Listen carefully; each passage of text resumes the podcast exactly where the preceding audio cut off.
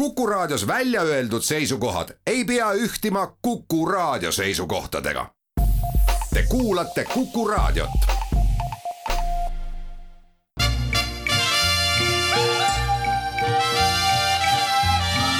välismääraja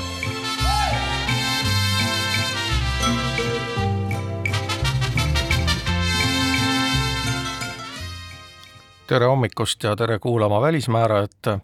Ukraina sõda möllab praeguseks juba enam kui kuu aega ja pole märke selle peatsest lõppemisest. kas saab praegu üldse rääkida rahulootusest ja missugune on sõja kulg, sellest on täna stuudios kõnelemas vaatleja Raivo Vare, tere hommikust! tere hommikust! ja stuudios on ka Tallinna Tehnikaülikooli rahvusvaheliste suhete dotsent Olger Mölder, tere hommikust! tere!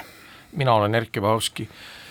ja me peame alustama ikkagi selle tragöödiaga, et äh, Ukraina väed võtsid tagasi Kiievi oblasti ja pilt, mis siis äh, avaneb äh,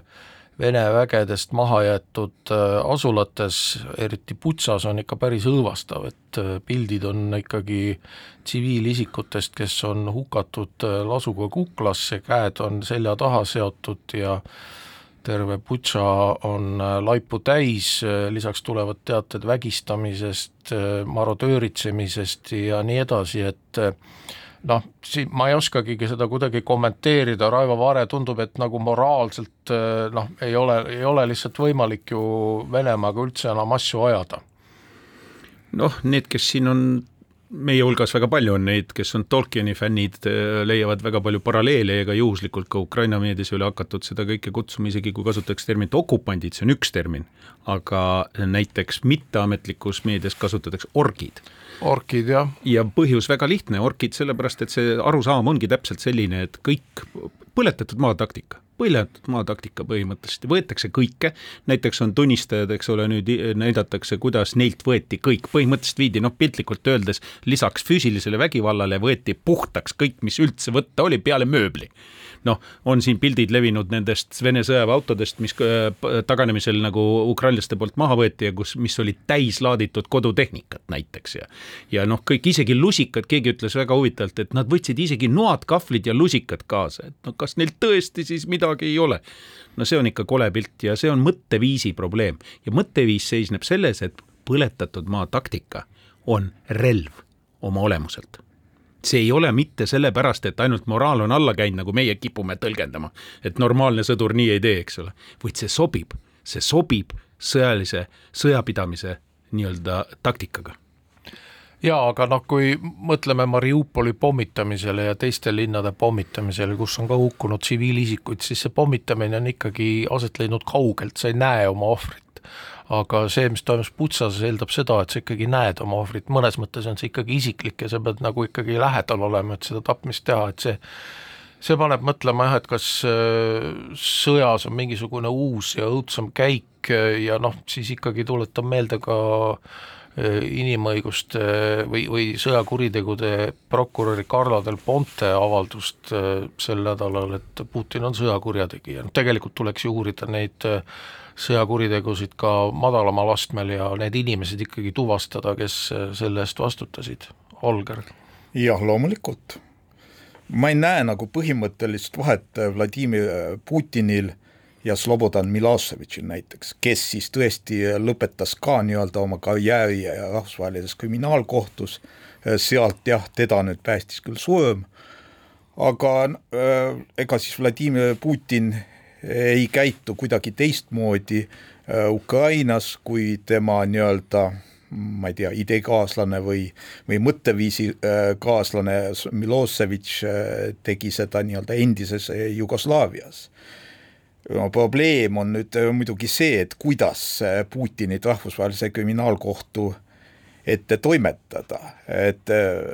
Serbias ikkagi toimus režiimivahetus. kuidas see läheb Venemaal seda me ei tea. Aga see režiimivahetus Venemaal ei pruugi veel tähendada seda, et nad selle Putini välja annaksid või sõja lõpetaksid, siin on ju küsimus ikkagi selles nii-öelda Vene imperiaalses ideoloogias ja nüüd see nüüd vaevalt muutub. ei, ei loomulikult, et noh, lõpuks me ei tea, see eeldab ju ka ikkagi, ega siis Miloševitši kättesaaminegi ei läinud väga kergelt et see tähendab ikkagi seda, et Venemaal peaksid toimuma niisugused kardinaalsed muutumised, see ei ole ainult, et ütleme, et seltsimees Putini asemel tuleb keegi teine, esialgu tundmatuks jääda sooviv seltsimees, kes siis võtab nagu niisuguse leebema tooni, see eeldab ikkagi niisugust äh, põhimõttelist äh, noh, ütleme kas või revolutsiooniks võiks seda siis nimetada, aga noh, sellest on Venemaal hetkel veel kaugel ma ütleks paar sõna juurde selles mõttes ka, et ega tegelikult ei ole siiski tegu millegiga, nagu saatejuhi küsimus kõlas, üllatus, et noh, millegi uuega. tuletage meelde, et põhimõtteliselt sõjapidamise rahvusvahelised reeglid on paika pandud alates tuhande kaheksasaja seitsmekümnendast aastast kuni ütleme laias laastus tuhande üheksasaja kaheteistkümnenda aastani, milles muuseas aktiivselt osales ka meie kandist pärit mees Martens.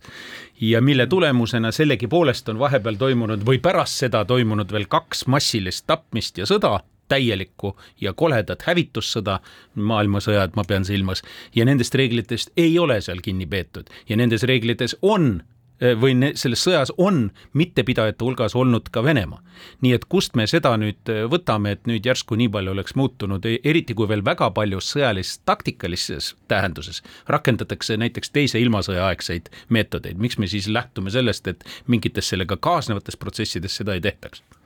ma lisaksin juurde lihtsalt selle, et tänapäevases rahvusvahelises ühiskonnas on tegelikult sõda on iseenesest juba mittelegitiimne tegevus. et selleks äh, ÜRO põhikiri ja ÜRO on see organisatsioon, mille liikmed on nii Ukraina kui Vene Föderatsioon, äh, see tähendab, et mõlemad on nagu äh, kohustatud, kohustunud ennast äh, tunnistama ÜRO põhikirja, et aga Venemaa järgi ei ole ju seal sõda, eks ole? just, äh, siin, sinna ma tahangi nagu jõuda, et nagu ütleme, niisuguseks äh, sõjategevuseks on kaks põhjust. et üks on siis enesekaitseks, mis nagu õigustab ukrainlaste tegevuse ja siis teine võimalus on tõesti ÜRO julgeolekunõukogu nii-öelda mandaadiga nii-öelda minna sisse, kas siis inimõiguste kaitseks või noh, just nagu mingisuguse vägivallaaktsiooni hoidmiseks, aga see eeldab niisugust rahvusvahelist äh, konsensust, et selles osas Venemaa tegevus, kuna ta ei tegutse enesekaitseks, see sõda ei toimu äh, Venemaa territooriumil, et see ei, see ei ole õigustust ja samuti ta ei ole saanud mandaati Ukrainasse tungimiseks aga poolikult ta seda just üritabki sellesama formuleeringu kaudu spetsiaalne operatsioon ja vaadake, mis oli põhjendus, kui Putin selle välja kuulutas, enesekaitse. võlts, vale, aga sellegipoolest ikkagi mängitakse selles suunas, millest Olger praegu rääkis. vähemalt enda jaoks ja oma enda silmi, silmis mängitakse seda mängu edasi, kuigi formaaljuriidiliselt absoluutselt õige, mingit põhjust ega põhjendust ei ole. see on siseriiklikuks propagandaks. just jaa, aga no tuleme nüüd nende rahukõneluste juurde ja noh, ilmselt me paraku kuuleme nendest äh, Vene armee kuritegudest veel, aga rahukõnelused, et et kuivõrd reaalsed need üldse on või kuivõrd tõsiselt saab neid võtta, et noh, siin on tulnud erinevaid signaale ja maailma väljaanded on kirjutanud erinevaid versioone, mida siis Ukraina pool pakub ja mida siis Vene pool pakub, et Ukraina president Volodõmõr Zelenskõi olevat siis äh, pakkunud, et Ukraina jääb äh, neutraalseks, ei soovi NATO-sse astuda, noh see ju eeldab seda, et tuleb muuta Ukraina põhiseadust ja, ja, ja nii edasi ja ja Vene pool siis olevat ka valmis mingiteks kompromissideks äh, aga kui tõsiselt saab seda kõike võtta, Raivo? no alustame sellest, et äh, Venemaa läbirääkimiste äh, strateegia on alati olnud ükskõik mis tasandil, ükskõik mis teemal väga sarnane mudelina. ja see mudel eeldab seda, et saavutatakse võimalikult tugev lähtepositsioon ja kui see on saavutatud, siis surutakse nii kaugele, kui lastakse suruda sellest peab nagu aru saama, see ei ole win-win loogika, mis kehtib nii-öelda läänelikus läbirääkimistel. seda on Kaja Kallas tegelikult ka korduvalt välismeediale väga öelnud. õigesti teeb. ja nüüd, nüüd kui seda vaadata edasi, siis mis on nagu venelaste huvi olnud, venelaste huvi on tegelikult praegu ümber grupeeruda, teha uue, uut, uut algust mõneti, aga no, öeldakse, et see on vana. eks ole, noh, see on see sõnade mäng, see on poliitiline mimikrii, aga tegelikult on probleem selles, et nad on olnud eh, ebaedukad pehmelt öeldes. ja peavad välja mõtlema mingisuguse just, lahenduse nii-öelda. nii et ja. tegelikult on tegu sõjauduga selles mõttes, et, et äh, nii nagu selles tuntud Schwarzi teoses, eks ole, draakon peab äh, vahepeal puhkama ja õgima ja siis ta tuleb tagasi. nii et see on täpselt seesama, mis praegu toimub ja põhimõtteliselt selleks peaks nagu arvestama ja seejuures loodetakse, sellest muuseas Martin Ehala kirjutas päris hästi, et see, see taustast, see, see loodetakse, et seda, selle kaudu õnnestub veenda ka eurooplasi ja üldse laiemalt läänt Eh, survestama omakorda Ukrainat läbirääkimistesse, kus Ukrainal veel ei ole piisavalt tugev positsioon, aga Venemaal veel on tugev positsioon. põhjus väga lihtne, sellepärast et aeg ei tööta praegu Venemaa kasuks hetkel ja nüüd läänes jällegi on teine arusaam, läänes on see vana tuntud arusaam, et kui inimesed hukkuvad, siis iga hinna eest tuleb kohe öö, teha rahu ükskõik kui ebameeldiv see ka ei ole, aga inimesed ju hukkuvad, süütud inimesed hukkuvad. aga Venemaa jaoks on see teistmoodi, kui probleem on laual, siis seda tuleb ära kasutada, see on ju suurepärane võimalus. nii et siin ongi see vahe, millest me alustasime ka ju tegelikult, miks need, miks neid ei häiri need, need koledise, koletused, millena, mille nende sõjavägi korda saadab näiteks, sellepärast et see on survevahend ja see on see, mis meid eristab ja kui me sellest aru ei saa, siis me teeme vea. ja põhimõtteliselt praegu ei ole mõtet anda võimalust võita aega Venemaale, sest ta ei jäta see on põhimõtteliselt ta ei saa jätta, olemuslikult ei saa jätta, see ei ole hea ega halb, see ei ole mitte sellepärast, et Putin ei saa üksi jätta, nagunii, see on nagunii, aga isegi laiemalt Venemaa ei saa praegu jätta seda sinna paika. sest Venemaa ei saa kaotada, Holger. loomulikult, ütleme, et niisugustest äh, tõsistest äh, läbirääkimist, mille eesmärk võiks olla tõesti niisuguse rahu või rahumeelse lahenduse leidmine, me saaksime ikkagi rääkida kõigepealt Äh, sellises olukorras, äh, kui kehtestatakse relvarahu. aga praegu on nagu relvarahu või siis humanitaarkoridorid, et need on üldse läbirääkimiste teema, et te üldse ei lähegi nagu kaugemale seal. see on jälle iseette küsimus, et äh, noh, see, seda taktikat tegelikult me nägime juba kaks tuhat neliteist, kaks tuhat viisteist, et ega ega siis isegi, kui mingisugune kokkulepe milleski saavutatakse, ega siis Venemaa ei kohustu ennast nendest kinni pidama aga ilma, kui sõjategevus ei ole peatunud, äh, kõik need äh, lä äh, läbirääkimised noh, ongi suunatud noorjumisele, sest pooled ei taha seda. nüüd ma ütleksin Zelenski nii-öelda tegevuse kohta on ju ka see, et eks ta ju saab aru, eks ta kasutab seda olukorda ära ja seega valmisolekut nii-öelda kokku leppida, et see tegelikult on, talle annab praegu väga suure diplomaatilise eelise sest Venemaa ju selleks valmis ei ole. Et näidata nagu valmisolekut, leida kokkuleppeid, leida rahumeelseid lahendusi, see on nagu Ukraina äh, suur diplomaatiline võit äh, praeguses olukorras jah, mina lisaks võib-olla veel ka nii palju, et see, mis on nagu välja tilkunud, millega ollakse ühelt poolt Ukraina poolt nõus ja ja, ja, ja milles ei olda nõus, siis tegelikult ütleme niimoodi, et kõikides nendes positsioonides, milles ollakse nõus, Ukrainal tegelikult midagi eriti kaotada enam ei ole, no lihtsalt näide, vene keele staatuse teema, mis alguses oli üks venelaste põhinõudmisi. noh, Zelenskõi on selle kohta väga tabavalt öelnud, et pärast seda kõike, seda õudust, mis on toimunud, see nüüd küll on kõige viimane mure, see keele teema. Ja aga näiteks mida venelased raudselt tahavad taga ajada ja sellest nad tõenäoliselt ei taha loobuda, mis teeb läbirääkimist väga keeruliseks minu arvates, on see, mis puudutab Donbassi staatust, see on siis nii-öelda kogu Donbassi enda alla haaramine ühel või teisel viisil, võib-olla ka integreerimine Venemaaga, võib-olla siis födera-, föderaalsuse pealesurumine äh, Ukrainale, vahet ei ole, aga seda nad ei taha kindlasti ukrainlastele järele anda. Ja teine veel olulisem moment rahvusvahelise õiguse seisukohast on see, et venelased nõuavad, et Ukraina tunnistaks Krimmi legitiimset Venemaale kuulumist. Ukraina on valmis minema kompromissile kuni viieteistkümneks aastaks läbirääkimistesse minema selles, aga mitte edasi. sest miks? asi väga lihtne. sel hetkel, kui Ukraina tunnistab, et Krimm on legitiimselt Venemaa käes, sel hetkel rahvusvahelise õiguse kontekstis see teema kaob laualt ära. ja venelastel on see nii tähtis, et nad seda suruvad ka igal juhul. aga Ukraina kompromissimaa on juba täna teada, viisteist aastat läbirääkimisi, juhul kui. ja eeldatakse, et pärast seda peaks Krimm tagasi tulema Holger, kuidas sa seda näed, äh, seda tulevikku Ukrainat, et siin on neid kaarte joonistatud igasuguseid, et äh, Lõuna-Ukraina siis see, et see on siis Novorossija või noh, ehk siis mm. Uus-Venemaa siis või et siis on äh, eraldi tõesti Donetsk ja Luhansk või siis Donetsk ja Luhansk lähevad Venemaa koosseisu ja siis Lääne-Ukrainas tekib siis selline noh, iseseisev vaba riik, aga noh, ma arvan, et, et Moskvale ikkagi pikas plaanis on väga ohtlik see vaba Ukraina olemasolu mis tahes kujul. ei loomulikult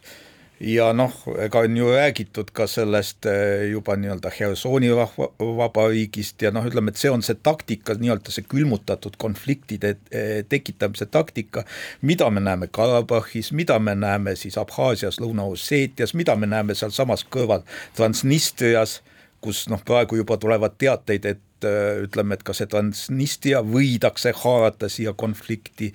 nii et äh, see ongi äh, niisugune strateegiline suund, mida Venemaa selles olukorras kasutab nii et nendest narratiividest, noh, ütleme, et äh, väga palju on ju ka see, ütleme, Venemaa mõjutustegevus, kogu see infosõda, mis on nagu selle taustal, et üks on jah, see, mida peetakse, sõda, mida peetakse äh, relvadega, teine on nii-öelda see narratiivide sõda, kuidas siis nagu niisugust teadvust kujundatakse. ja noh, ütleme ka see nii-öelda see NATO narratiiv, mida väga palju praegu mängitakse nii-öelda sõja ajendina et tegelikult see on ka nii-öelda Venemaa poolt push itud, et tege-, ühtegi isegi noh, me ei räägi niisugusest Ukraina konstitutsioonist, põhiseadusest, kuhu me võime, kuhu riik saab suveräänselt kirjutada sisse mille iganes. Noh, see on tema suveräänne õigus, teine asi on, ütleme, et kui nagu rääkida Ukraina liitumisest NATO-ga Äh, lähitulevikus äh, see oli enne selle konflikti algust äh, täielik bluff, et, et noh, see ei olnud mitmesugustel põhjustel reaalne, ma arvan, et me ei hakka seda nüüd siin võib-olla lahti rääkima, aga, aga see oli lihtsalt ajend selle äh, sõjategevuse alustamiseks, millel nagu reaalne kate äh, ei, ei olnud, sest äh, nii-öelda seda protsessi ei olnud ju tegelikult käivitatud. nii et ütleme, et niisugune äh, tulevik äh, on, äh, on väga, väga raskesti äh, prognoositav, sest ütleme, et kas Vene, Venemaal niisugune reaalne ütleme, rahvusvahelises kontekstis toimiv poliitika praegu üldse eksisteerib, see on juba üsna, üsna võimatu ja noh, teine on ka see, mis puudutab nii-öelda Venemaa väljumisstrateegiat sellest konfliktist. mina väidan, et Putinil tegelikult niisugust head lahendust äh, selles ei ole, sellepärast võib-olla ta nii-öelda püüabki mängida niisugusele äh, stelmetile, et või noh, nii-öelda viigiseisule, et haarata kätte nii palju territooriumi, kui on võimalik, siis kehtestada mingisugune umbmäärane vaherahu, nagu toimis Donbassis kaks tuhat neliteist, kaks tuhat viisteist ja siis sellelt pinnalt äh, minna nagu edasi. teeme siinkohal väikese pausi ja tuleme mõne hetke pärast tagasi.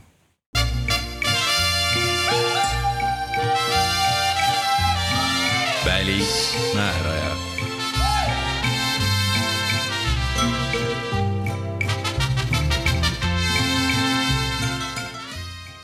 tere tagasi kuulama Välismäärad, stuudios on Olger Mölder, Raivo Vare, Erkki Bahovski ja räägime edasi Ukrainast. Ja Raivo, sul oli üks repliik öelda. jaa, ma ütleks paar sõna sellest neutraalsusest NATO-st ja föderaliseerimisest, no alustame sellest, et tegelikult seesama, millest Olger rääkis, et NATO-t tegelikult kasutatakse ainult e e ettekäändena, sellest parim tunnistus on see, mis praegu toimub. kõik väed on ära viidud, viimane uudis, mis värskelt tuli, oli see, et Kaliningradist viiakse terve diviis ära Ida-Ukraina rindele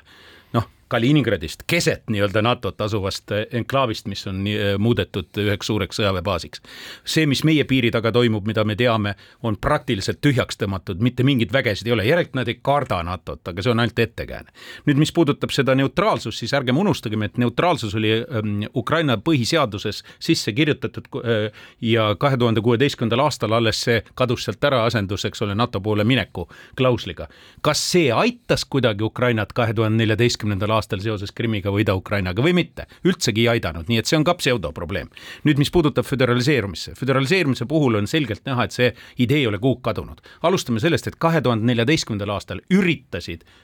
üritas Venemaa luua föderaliseerumise alust ja kui me mäletame, siis see oli ka rahvasaadikute esind-, rahvasaadikute nõukogude esinduste kongressina Harkivis kavas, kus pidi Janukovitš esinema ja nii edasi, kõik läks neil viltu, ei tulnud välja. idee oli luua nõndanimetatud Novorossija ja see oli siis vasakpoolne kallas, eh, Ida-Ukraina ja, ja Lõuna-Ukraina ja lõigates sellega absoluutselt ära Ukraina merest, Mustast merest. see ei tulnud tookord välja, nüüd on lihtsalt vana käsiraamat uuesti käsutusele kä,,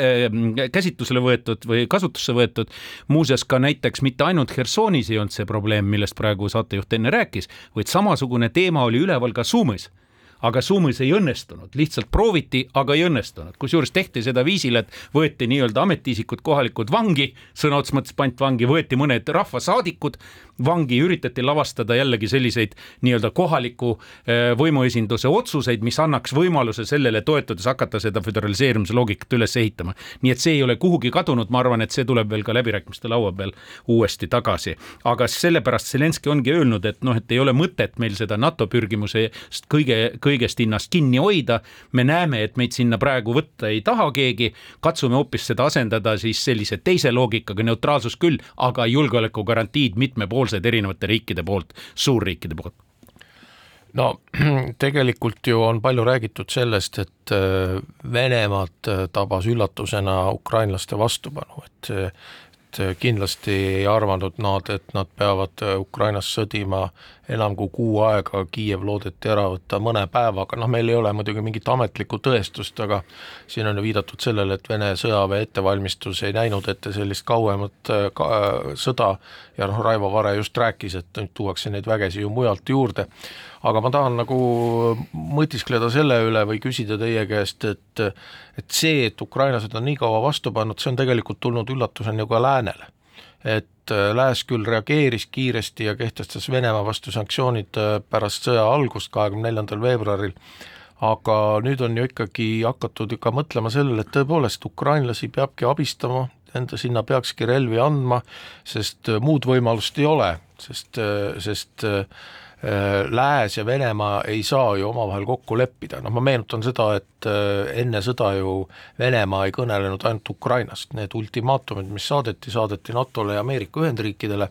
ja seal tegelikult ju küsiti tervet Ida-Euroopat ja noh, ka Kesk-Aasiat ja, ja nii edasi, et Olger, kuidas sulle tundub, et kas, kas äh, nüüd on Lääs ka mõistnud seda, et et Ukrainat tuleb tõsiselt abistada, no ma ei räägi siin ainult põgenikest, vaid ikkagi eelkõige relvaabist jah, loomulikult, et tähendab äh, ma ühe nüansi veel lisaksin juurde, sest praegu, kus käivad äh, te, praegu tegelikult lahingud, need on nii-öelda just selles samas Novorossijas ja ütleme, selles venekeelses Ukraina osas. Ja mida me, me ei näe seal on tõesti niisugust toetust äh, sissetungivatele vägedele, noh, mida oli võimalik korraldada Krimmis, mida oli võimalik äh, korraldada Donbassis äh, kaks tuhat neliteist, kus oli neil ikkagi niisugune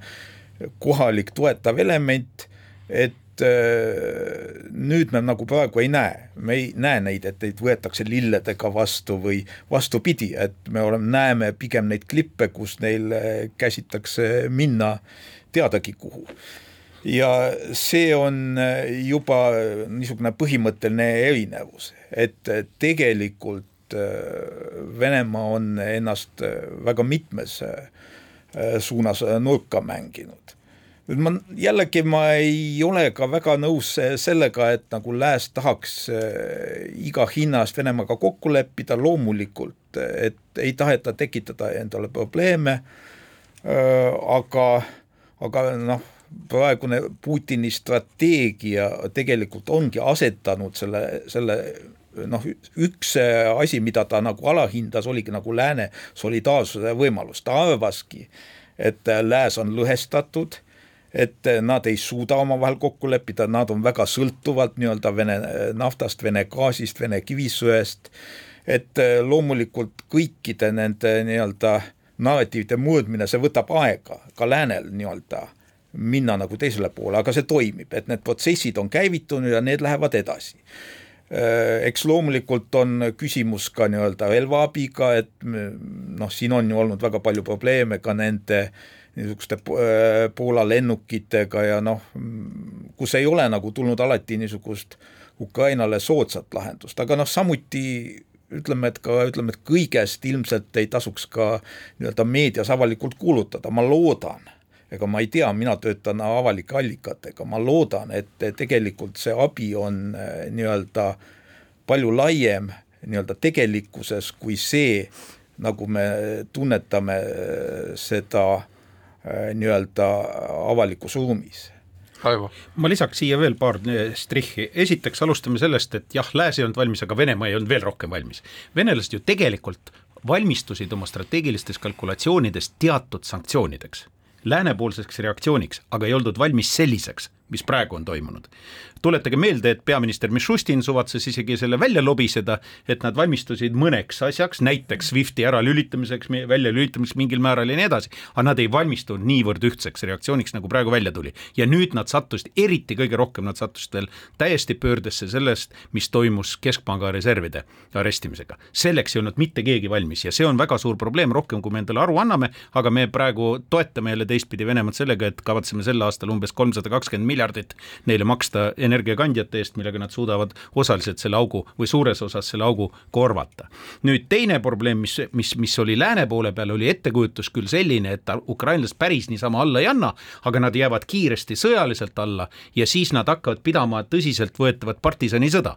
ja muuseas ka kõik lääne abiprogrammid olid orienteeritud ja see mõtteviis oli orienteeritud veel tükk aega pärast sõja algust, oli orienteeritud sellele, et tuleb äh, ukrainlasi abistada eelkõige partisanisõja eripäraseid silmas pidades, kaasa arvatud relvastus, kaasa arvatud muu varustus, humanitaarabi, kõik lähtudes sellest. ja keegi ei mõelnud selle peale, et tegelikult on vaja raskerelvastust. ja nüüd hakkab vaikselt see asi pöörama ja venelased seda näevad ja tajuvad ja sellepärast nad üritavad võimalikult kiiresti asju lukku lüüa, enne kui läänest see suur masinavärk läheb nüüd ka raskerelvastusega paremini käima. aga nüüd tulevad esimesed uudised, eks ole, isegi Austraalia lubab oma Bushmastereid ja, ja, ja, ja eks ole, USA kavatseb abistada Vene-aegsete või Nõukogude isegi tootmises tankidega T-neljakümne seitsmekümne kahe, seitsmekümne kahe äh, poolt äh, Ukrainasse viimisega. antakse õhutõrjerelvastus, kaasa arvatud äh, nõukogudeaegset, mida ukrainlased oskavad käsitseda, pole vaja isegi õppida, nii nagu tankegi ja paljusid muid asju. eks ole, isegi sakslased andsid loa tšehhidele müüa oma BMP ühed, mis on ka nõukogudeaegne toodang, mida ukrainlased oskavad kasutada, need on lahingumasinad, jalaväe lahingumasinad ja nii edasi, nii edasi, aga raskerelvastust on ju vaja milleks? Mitte partisõja pidamiseks, seal ei ole sellest kasu, seda on vaja selleks, et võtta tagasi, et saada vastu venelastele, kes nüüd lõunast ja idast üritavad suure jõududega peale tungida ja, ja vähe sellest ka territooriumi tagasi võtta, nii et pilt on täiesti muutunud. Jah, ja ma lisaksin siia juurde, et tegelikult noh, millega ei olnud siis arvestatud, ongi just see pikaajaline sõda. Ja praegu ongi teatud mõttes aeg äh, või hea et eh, see tegelikult see abi tuleb nii-öelda step by step, et ta ei anta nagu korraga ära, vaid, vaid siis eh, vastavalt olukorraga, sest noh, see peab olema pidev. sest eh, mis ja see nii-öelda ressursside otsasaamise oht tegelikult ähvardab Venemaad palju rohkem kui Ukrainat kes saab nagu loota, et tal on toetus. aga samas on näha, et Venemaa on läinud kurnamissõja peale. mingil põhjusel nad on veendunud, et nende ressurssi jätkub kauemaks, kui ukrainlastel jätkub ressurssi, loodavad vähemalt sellele. mis iganes põhjustel, me võime arutada veel eraldi, miks seal Putin ei saa aru ja mis iganes, aga nii on, praegu nad sellele loodavad ja vaadake, mis nad teevad, praegu nad ründavad tsiviilinfrastruktuuri puhul väga selgelt ressursibaasi. no näiteks viimane uudis, Krivoi Rohi äh, äh, suurim Ukraina naftautmistehas lasti õhku Vene rakettidega. sellepärast, et see on sisuliselt noh, veerand kuskil, nii nagu Zaporožje tuumajaam veerand elektrist annab sii-, mm, Ukrainas, siis Krivoi Roo kandis tegelikult eh, veerandi kogu Ukraina rahuaja eh, vajadustest kütuse järele, nii et selgelt on suunatud see venelaste puhul ka vähemalt ähvardusena kurnamissõja peale, iseasi, kas nad ise suudavad selle vastu pidada ja no aga siin on ikkagi küsimus, et, et miks siis Venemaa ei ole Ukrainat isoleerinud, tegelikult ju Ukrainas käivad ka välismaa riigijuhid, viimati näiteks külastas Zelenskõit Kiievis Euroopa Parlamendi president Roberta Metsola ja, ja ka meie poliitikud on ju olnud Kiievis sõja ajal, et et, noh, tegelikult äh, Venemaa ei ole ju suutnud äh, panna piiri kinni, noh ma eeldan seda, et kui nagu tahetakse tõesti nagu Ukrainat siis ilma jätta igasugustest abivõimalustest ja kurnamissõja ja kuulutada välja kurnamissõda, või noh, mitte ametlikult kuulutada, aga pidada seda, siis ju oleks ju loogiline, et noh, et Ukraina piirid pannakse kinni, äh, blokeeritakse internet ja sotsiaalmeedia ja nii edasi, aga me seda ei ole ju näinud, et kas siis Venemaa lihtsalt ei suuda seda teha? ei suuda, ei suuda ja olgem ausad, ausad, ega natukene on aidanud ka näiteks see, et ilmselgelt sõjaplaanidesse kuulus ka see, et Valgevene ründab lääne piiri pidi aga Lukašenko ei ole tahtnud Just, seda mängu mängida. ta on omaette kaval äh, rebane ja ta on mänginud seda mängu niimoodi, et sinna ta ei ole oma nina toppinud. ja see on tekitanud selgelt ka probleemi venelastele, mida nad ju kogu aeg on ka pahaks talle pannud, näha on ju, et pahaks pannakse, aga noh, midagi ei ole teha. teine asi, kõik need interneti teemad, internetist vähe räägitakse tegelikult sõjalisele kampaaniale eelnes väga võimas rünnakute laine, milles osalesid muuseas nüüdsel viimastel andmetel ka hiinlased ja, ja seejuures siis üritati rünnata just nimelt võtmeinfrastruktuuri sealhulgas ja see ebaõnnestus. miks ebaõnnestus? enne imet ka lääne suured provider'id, suured Äh, korporatsioonid tulid appi, nimelt Microsoft konkreetselt on nüüd välja tulnud, on, abistas Vene häkkerite rünnakut Ukraina äh, elulisele infrastruktuurile, mis eelnes sõjalisele sissetungile, abistas nii palju, et lihtsalt seda, noh, see ei õnnestunud, eks ole. nüüd tuleb välja, et hiinlased on täpselt sama üritanud ja ka seal nad ebaõnnestusid, nii et tegelikult käib veel üks sõda, mida me väga palju ei näe, nii nagu käib luurete sõda, mida me väga palju ei näe, aeg-ajalt ainult paiskub välja. samamoodi käib ka näiteks nendes valdkondades, kus kardeti, et hübriidsõja tingimustes võib väga suuri kahju kahjusid tekkida, on olnud ukrainlased edukamad, kui eeldati. Ja rünnakud olid, aga nad ebaõnnestusid. Ja tänu sellele, et neid abistati, mitte ainult Ukraina enda tublidusele, mis on nagunii olemas. No Olger, sa mainisid juba katset luua Hersoni rahvavabariik ja noh, me teame, eks ole, et Donetskis ja Luhanskis ju need on ka loodud, et et ja siis sinna juurde see mõte partisanisõjast, et noh, ukrainlased on va valmis võitlema partisanisõjas, aga rahvavabariikide loomine ju eeldab seda, et see kohalik elanikkond tuleb kaasa, noh ma mõtlen nagu Donetskis ja Luhanskis ja noh, Krimmist rääkimata, seal nüüd eraldi rahvavabariiki ei ole, aga aga sellegipoolest, et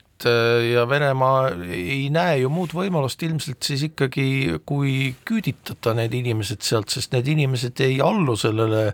Vene võimule ja Hersonis me oleme näinud neid meeleavaldusi Vene võimu vastu Ukraina lippudega, et siis jääbki üle, eks ole, et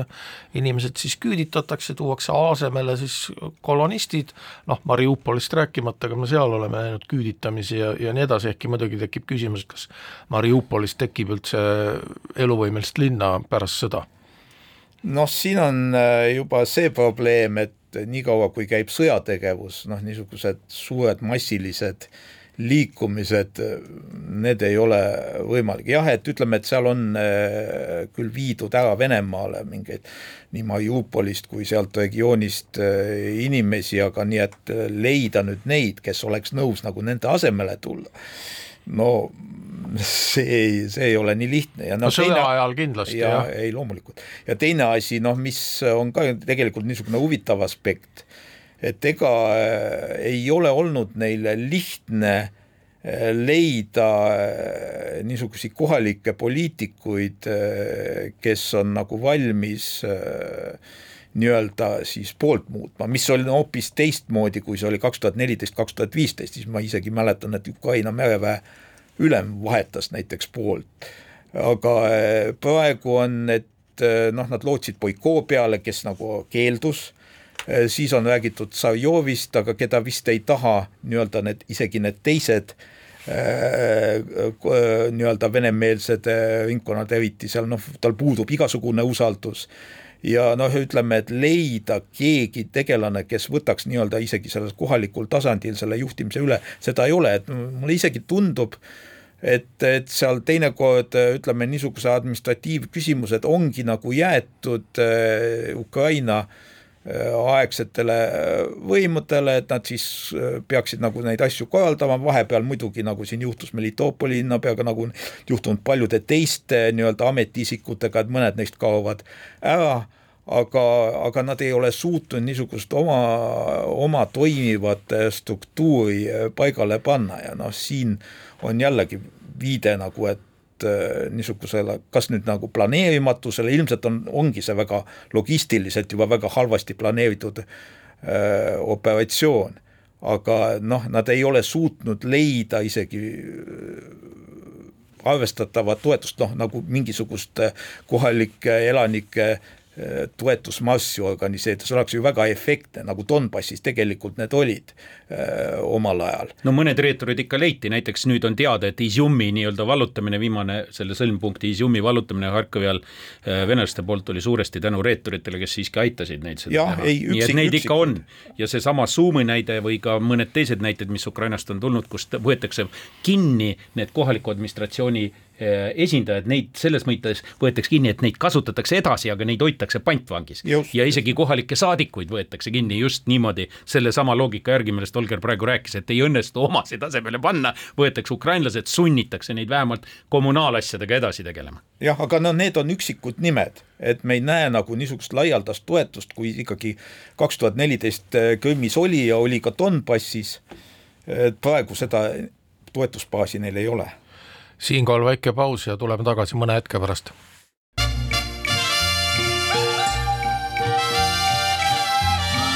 välismääraja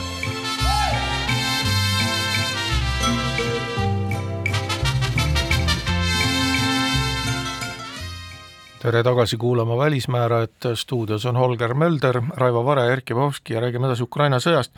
no Raivo, sa juba rääkisid natuke ka Euroopa Liidust ja sellest energiaprobleemist ja no üldju, üldiselt on see probleem siis selline, et Euroopa Liit sõltub Vene gaasist ja naftast ja sööst. ja söest ja ei äh,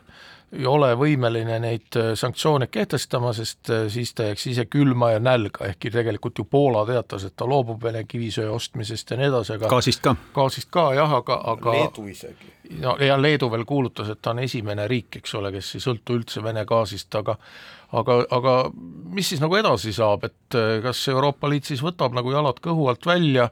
ja see muidugi, et Vene gaasist loobutakse, see eeldab seda ikkagi, et inimesed oleksid siis valmis maksma, ameeriklased on küll nõus siis äh, olnud tooma vedeldatud gaasi Euroopasse, aga see ei asenda seda gaasi, need mahud on ikkagi erinevad, et et aga noh, kui me vaatame tõesti neid pilte kas või Butšast või Mariupolist, siis noh, ikkagi tekib küsimus, et noh, et, et, et kuulge, et noh, et Euroopa Liit, te ikkagi rahastate nagu mõrtsukate armeed. no tegelik pilt on muidugi selline, et ise oleme silmusesse roninud, ma olen vist kuskil öelnud seda juba ja siis nüüd, kui taburet all hakkab kõikuma, siis nüüd praegu üritame näppu siia silmuse vahele ajada, et mitte ära pooma ei hakkaks. ega see kerge ei ole eelkõige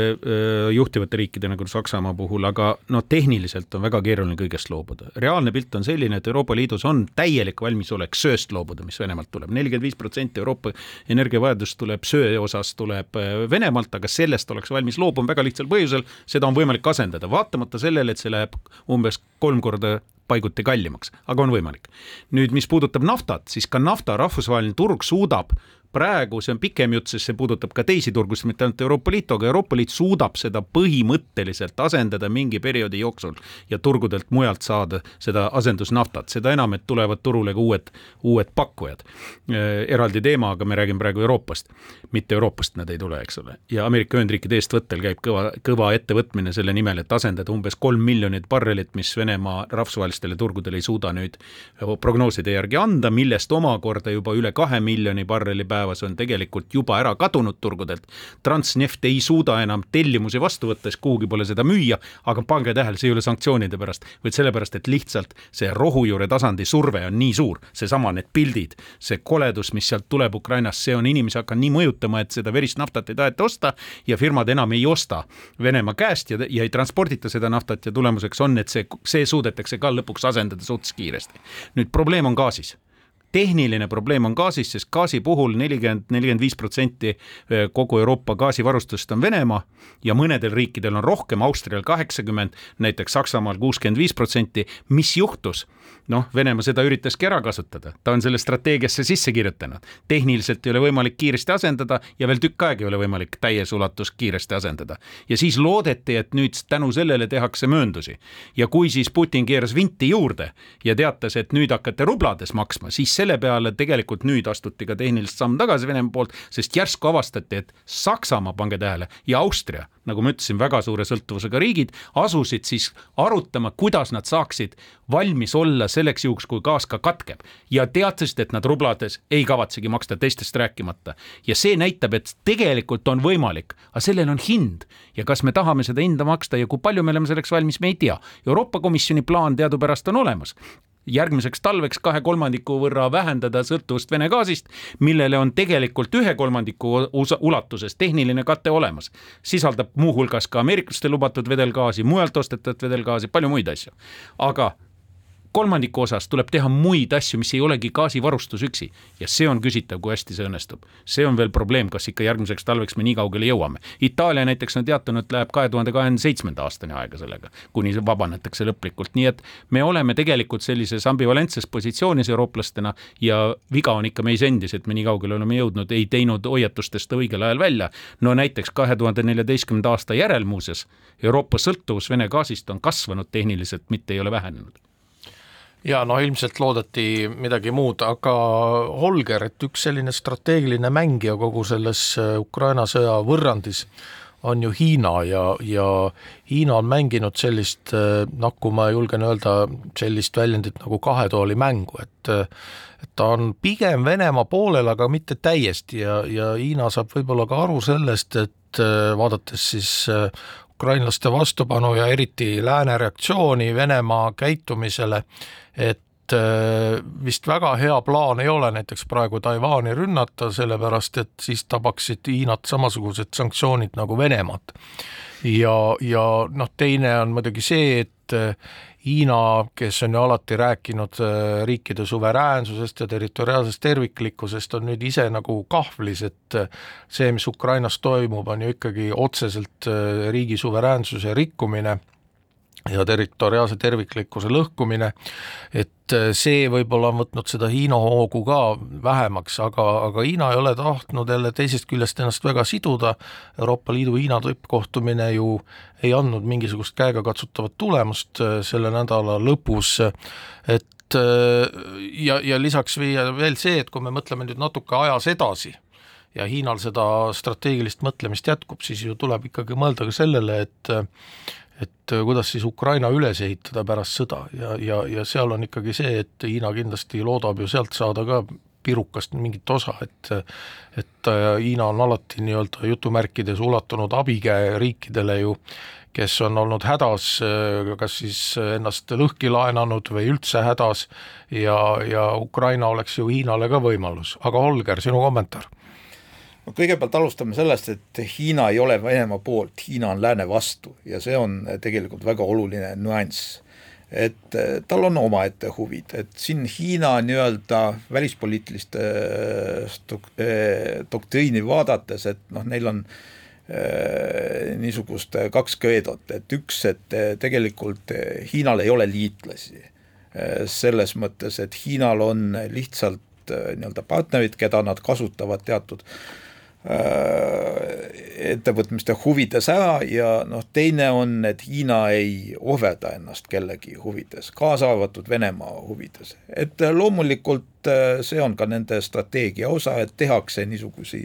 reverantse Venemaa suunal, et räägitakse suurest sõprusest, aga noh, teine on äh, niisugused praktilised sammud. Ja siin äh, Hiina kalkuleerib hoopis äh, teistel alustel, vaadates sellest, et kus on võimalik nagu kasu võtta, kus on äh, nagu oht nagu kaotada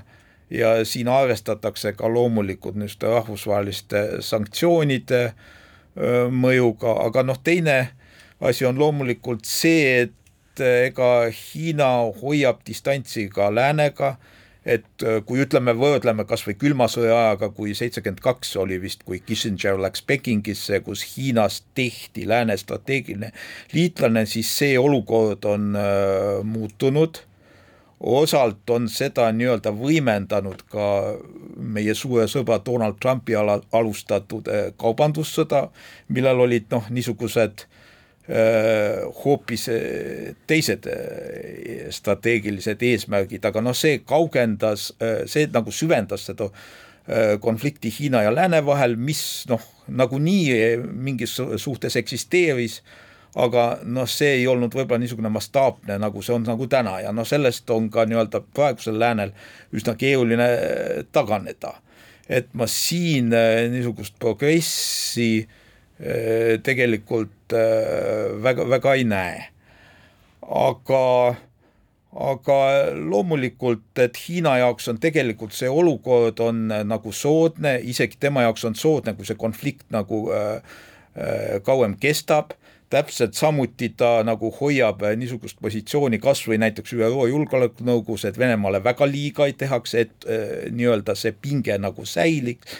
sest ja Vene, Hiina erinevalt Venemaast suudab mõis-, mõelda nii-öelda majanduslikes kategooriates, temal on nii-öelda stabiilsed nii-öelda rahvusvaheline majanduskeskkond on tema jaoks väga oluline, sest ta suudab eksportida, ta suudab toota ja ta suudab nagu nii-öelda turge võita, erinevalt Venemaast, et siin on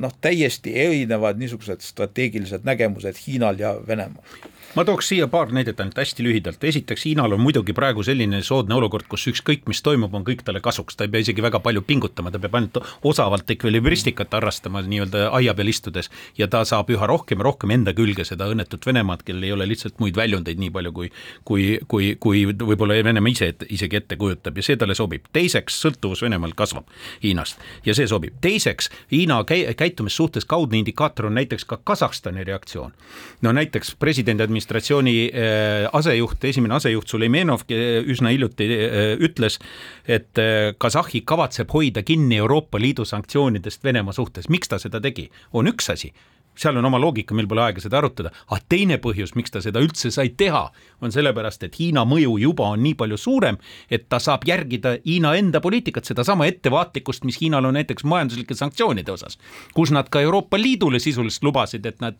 teatud piiri ei ületa. nii et eh, sellel samal tippkohtumisel, nii et me tegelikult näeme seda, kuidas Hiina nii-öelda mängib ja mäng on temale soodne, see on selle asja nii-öelda kvintessents. Ja lõppude lõpuks Hiinale ei ole sobiv mõned asjad, mis sellega seonduvad, aga talle sobib olukorra muudatus tervikuna maailmas. ja see talle sobib ja ta lihtsalt üritab oma parimat pikemat kõrt välja tõmmata sellest no Raivo, väga kiiresti, et üheksas mai läheneb ja no meie siin Eestis oleme mures, mis saab üheksandast maist, aga mis saab üheksandast maist Venemaal, et mida, mida sa pakud? No ma pakun, et seda lavastatakse kui suurt võitu juba saavutatud, suures osas juba sa, vähemalt saavutatud võitu Ukraina üle ja natsismi üle, pange tähele, see ikka kõik jätkub, kuigi hoopis Venemaa kui režiim on klassikaliste Itaalia tüüpi fašismi tunnustega, aga see on hoopis teine jutt. aga Holger, mida sina pakud? no tähendab, et kui me saame rääkida kas või mingisugusest niisugusest lahendusest siis võib see olla seotud üheksanda maiga, et kui Venemaa on valmis nii-öelda kas siis sõlmima mingisuguse vaherahu või taolise, mida ta saaks nagu oma siseriiklikule publikule presenteerida äh, nagu võitu. Äh, üks asi jah, mida ma võib-olla veel äh, mainiksin ära, et noh, tähendab, et Putini suhtumine või see Putini maailm, see nõuaks nagu omaette arutlemist aga no tema käsitleb tegelikult seda operatsiooni äh, Ukrainas umbes samalaadselt äh, nagu Nõukogude Liit äh, toimis viiekümne kuuendal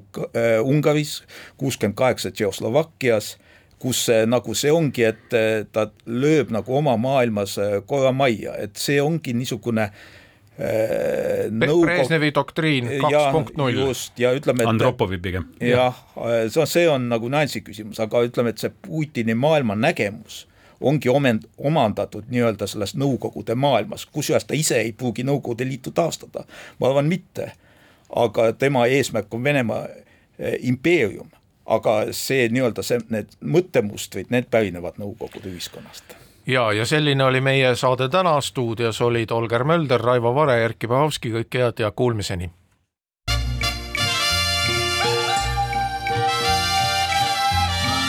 välismääraja